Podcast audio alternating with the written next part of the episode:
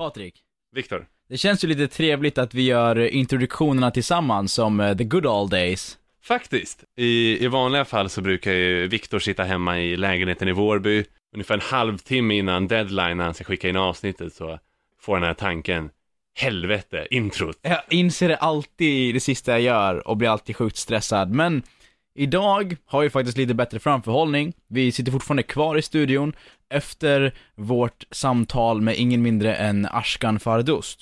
Eh, Ashkan har en doktorsexamen inom kemi. Men idag så föreläser han och hjälper företag inom AI och eh, framtiden och digitalisering.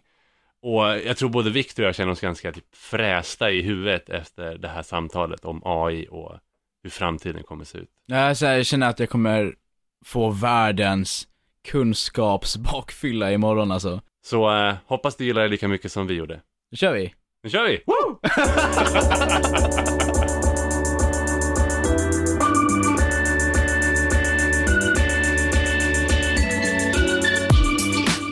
Ashkan, fan vad kul att du är här. En ära. Tack. Alltså jag, jag är supertaggad på det här avsnittet. Och vi tänkte bara dyka in direkt eh, på ämnet, på Okej. AI, på artificiell intelligens. Och det, här är ett ord som man hör väldigt ofta eh, och på något sätt tror att man har koll på. Eh, vilket Viktor och jag kom fram till att det har vi inte alls när vi började googla på det. Så första frågan är, om du skulle föreställa dig att Viktor och jag är fem år, hur skulle du förklara AI för oss då? Jag tänkte göra som vi gör på Hyper Island. Om en student frågar så här, vad är svaret på det här? Då brukar vi fråga, what do you think?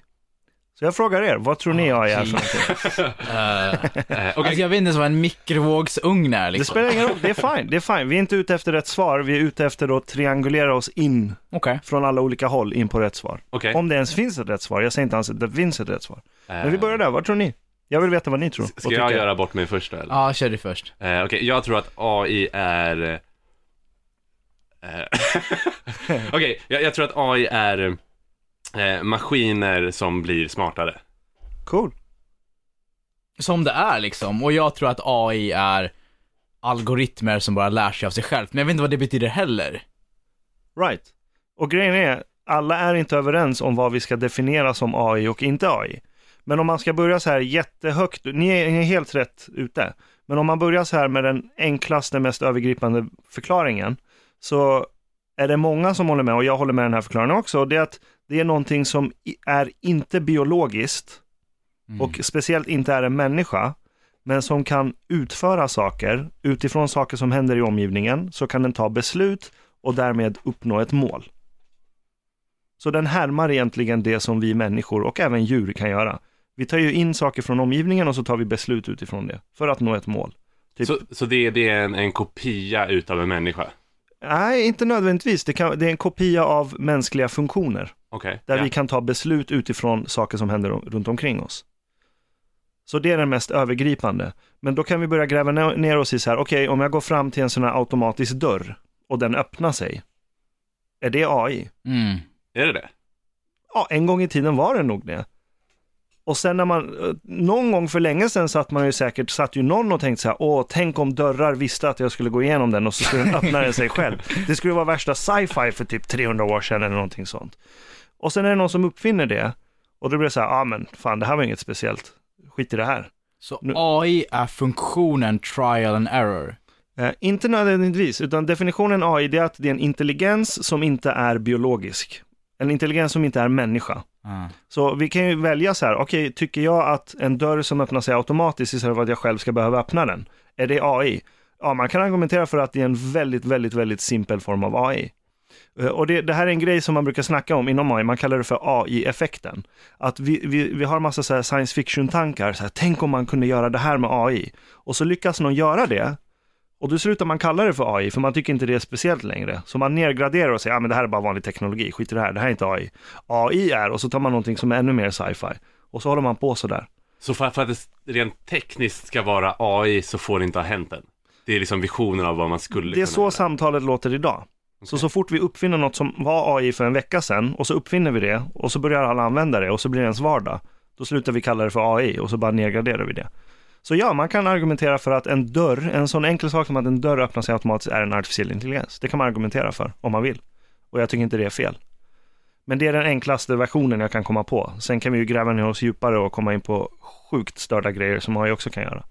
Men jag tycker den förklaringen är bra. Allt som är intelligens, eller no, om vi säger så här, en agent. Någonting som kan agera utifrån det som händer i din omgivning för att ta ett beslut som tar dig närmare ett mål. Mm. Det är typ den mest generella eh, definitionen du kan ha av AI. Det är... Jag försöker smälta det här för... Ja, jag kommer behöva lyssna på avsnittet Ja, om men vi, kan, om vi, kan, vi kan ta ett exempel då. Så om vi tar flygplan. Aha. Flygplan har autopilot. Och flygplanets autopilot är kopplat till massa sensorer, typ hur flygplanet är vinklat, hur snabbt den åker, luftmotstånd och massa så här grejer. Och utifrån de här sakerna som kommer från omgivningen, som sensorn i den här autopiloten plockar upp, så kan ju autopiloten ta beslut. Så man programmerar in till den här autopiloten, ja men flyg så här, när du kommer till den här punkten, när GPSen säger att du är här så ska du vinkla vingarna 30 grader åt höger tills du, din nos pekar mot Paris och så fortsätter du fram så här många meter, bla bla bla bla. Så då tar den ju beslut utifrån vad som händer i omgivningen för att ta dig närmare till ett mål. Så, så det är själva beslutsprocessen av all output som kommer in som är AI? Det kan man säga. Någonting som får input och så skapar den en output åt dig för Ja. att ta dig närmare ett mål. Så enligt den definitionen så är en autopilot också AI. Fast nu har vi haft autopilot sedan typ 70-talet. Så där ser vi också AI-effekten. Vi kallar inte autopilot för AI. Det är så här, klart flygplan kan flyga själva, autopilot, det är inget konstigt. Och så säger vi att det inte är AI. Om jag skulle ställa frågan, vad är AI inte? Mm. Vad skulle du svara då? Ja, typ om vi tar den här mikrofonen framför mig. Den tar ju inga beslut. Det är bara så här input, ja, den tar upp ljud och så bara spottar den ut ljudet i andra änden. Mm. Sen behöver vi inte ta något beslut. Så om det är en statisk sak som sker, att nu har vi byggt den här micken, den tar emot ljud och skickar den hit. Ja, Och det är samma sak som händer varje gång. ja, Då är det inte AI. exakt. För Men- den behöver inte ta något beslut. Men om, om jag hade byggt den här micken och eh, gjort så här, ja men är det en tjejröst, skicka filen hit. Är det en killröst, skicka filen hit. Hade det varit Ja, AI det, då? det, jag skulle säga att det är en väldigt simpel form av AI, absolut. Okej, så, så AI typ så här när outputen kan bli minst två olika saker beroende på vad inputen är. Jättebra exempel, ja. Okej. Men nu är vi nere på så här jättesimpla saker som man har kunnat göra hur länge som helst. Eh, Så det är ju inte därför AI är så spännande idag, att dörrar kan öppna automatiskt. Mm. Men, men för att definiera det så tycker jag det är ett bra exempel. Mm. Du kan argumentera för att det är en AI, typ en automatisk dörr. Till autopilot på flygplan och till science fiction-konceptet att du har en dator som kan tänka helt själv och känna känslor och kommunicera precis som en människa som typ eh, Terminator-robotarna eller C3PO och så vidare. Så det är liksom slutändan av AI som vi Ah. har det. Vad är det mest störda som händer nu som AI eh, gör? Som finns idag på Ja, riktigt. som finns idag på riktigt som händer. Alltså som en så här konsumentapplikation som jag förstår mig på, eh, Eh, det som jag tycker är mest spännande just nu, det är självkörande bilar. För det är så många komplexa olika saker som måste vävas ihop för att en dator ska kunna ta så många beslut på så kort tid i en så pass kritisk stund att du är på en väg och fett många saker kan hända. Och sen det i samband med att det är väldigt många människor som lever idag på faktumet att någon måste sitta bakom ratten. Så just därför, och självkörande bilar är väldigt nära att rullas ut och bli en standardgrej. I alla fall rent tekniskt. Sen har vi ju historiskt sett sett att politiken och regelverk ofta sätter stopp för teknologi fastän teknologin är mogen.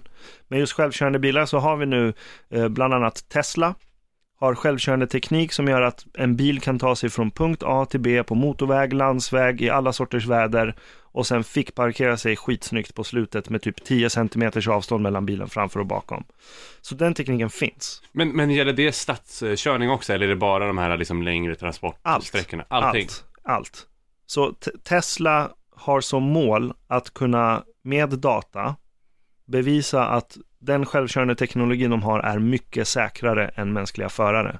Och i dagsläget så har de tillåtit i vissa stater i USA att man slår på den funktionen på motorvägar, men inte i stadskörning.